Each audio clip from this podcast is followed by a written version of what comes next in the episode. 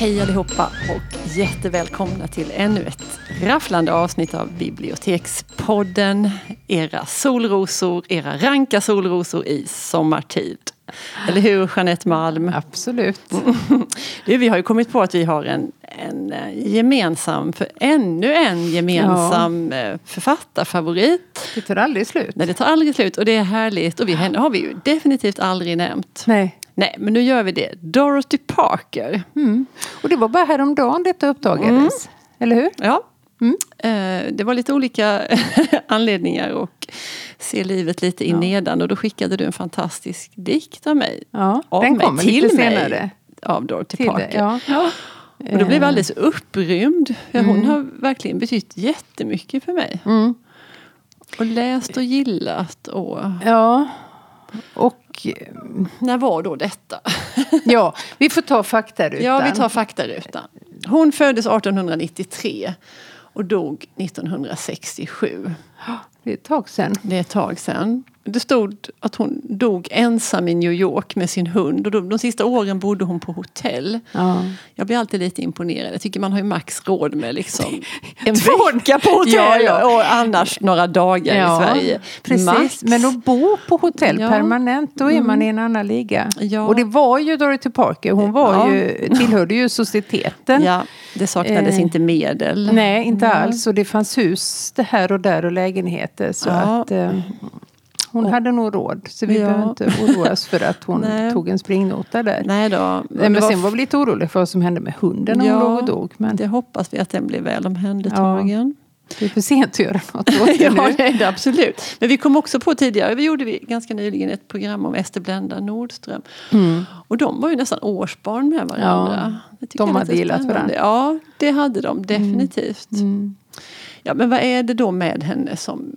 Ja, vi faktarutan har vi tagit. Och så, ja. Var, ja, vad skrev hon för något då? Nej, men hon var inte... ju... Först var hon journalist. Mm. Och hon skrev mycket i den eh, kretsen där hon verkade så att säga, societeten tror jag. Mm. Men det hon är känd för idag det är ju sina dikter och noveller mm. och en oändlig mängd citat, för hon var ju en fullkomlig citatmaskin. Mm. Och väldigt, väldigt vass och rolig ja. i en väldigt Sarkastisk bra kombination. Och, ja. liksom. Mm. hon, så hon var ju fruktad för sin eh, vassa tunga. Som man mm. sa då. Mm. Och, och, även vassa pennan. Ja. Mm. ja, nej, men hon höll till där i New York och där fanns något gäng det var inte så stort gäng, men det kanske, eller i alla fall så basen i det här gänget var Dorothy Parker som kallades för Dotty. Och två män och de, de kallade sig för Runda bordet. Ja. Och de träffades och både åt och drack lunch på ett hotell där i New York. Mm. Och, och, där satt de och raljerade och liksom höll på att munhuggas och mm. skrev elaka saker och hade säkert superroligt. Och ingen det, minns... Vi brukar vara avundsjuka när vi ser folk som sitter på uteserveringar ja. när vi hastar förbi. så tänker vi, åh, tänk om man hade tid med det. Ja. Men där satt de nog och lät timmarna gå. Säkert, det var ingen stämpelklocka som Icke, väntade. ingen flex att räkna på. Nej, men de här gubbarna de är glömda men det är mm. inte Dorothy Parker. Nej, de heter vi, Robert, jag kan i alla fall säga. De heter Robert båda två. Det är väldigt enkelt. Robert Benchley och Robert Sherwood. Ja.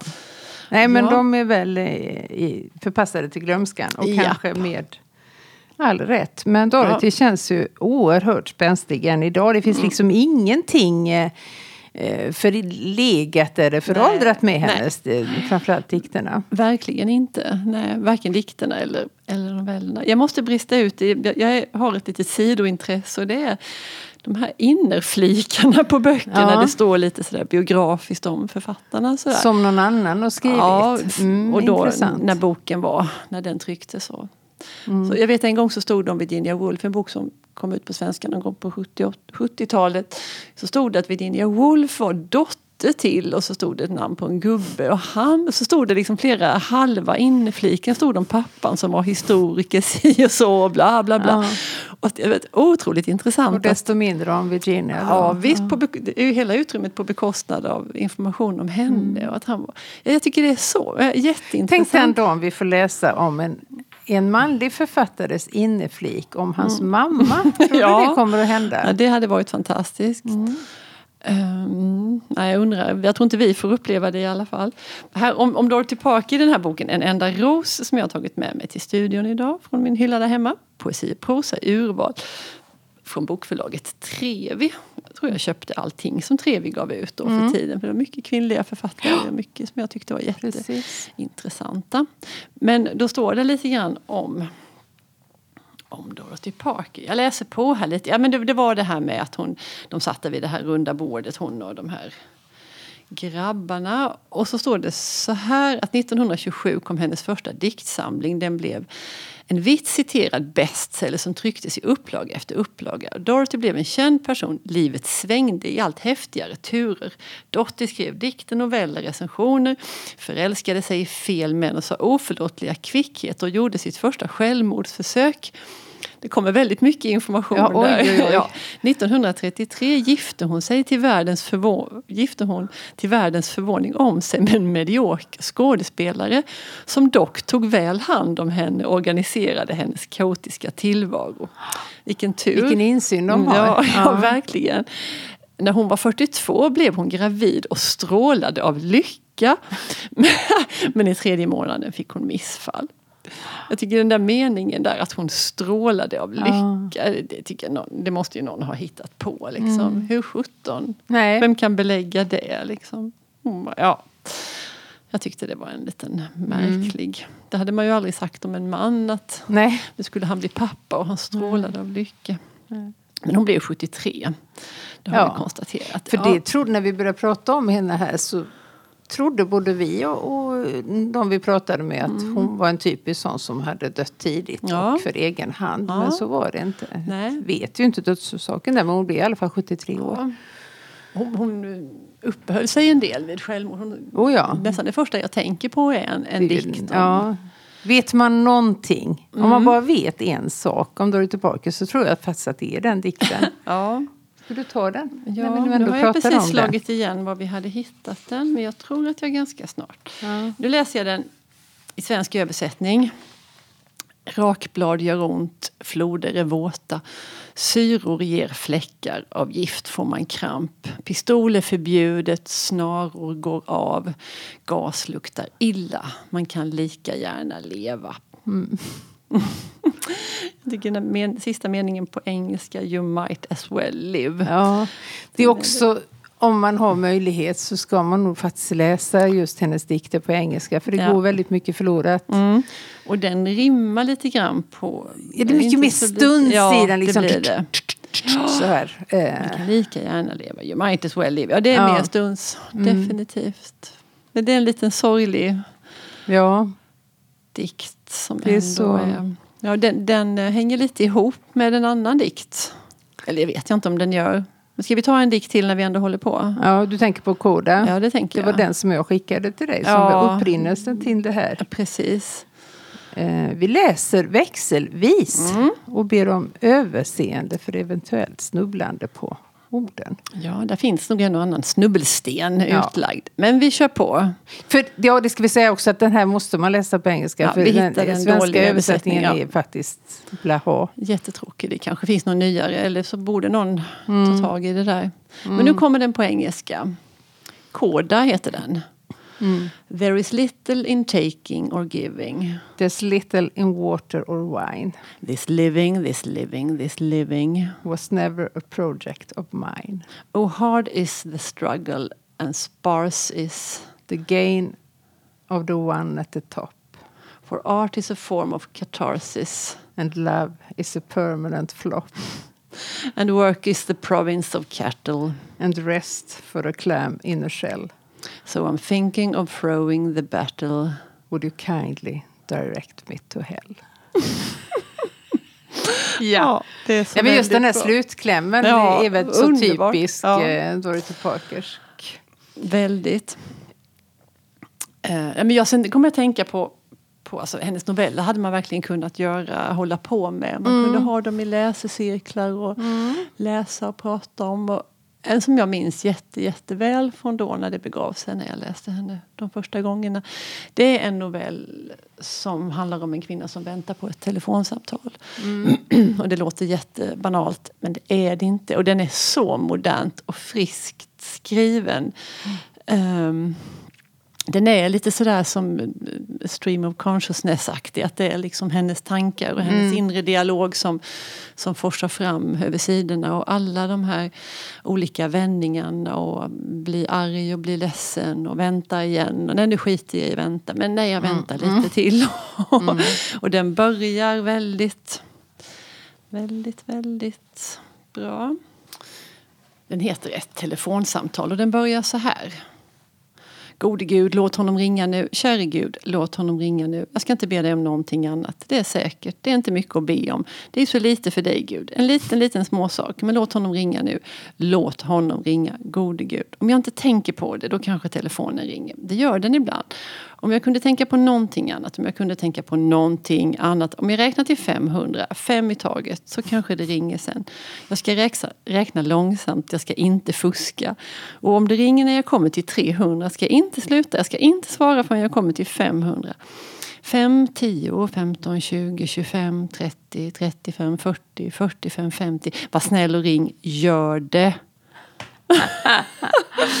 jag tycker det är så. Och det här får vi ändå komma ihåg att det skrevs ju för ganska länge sedan.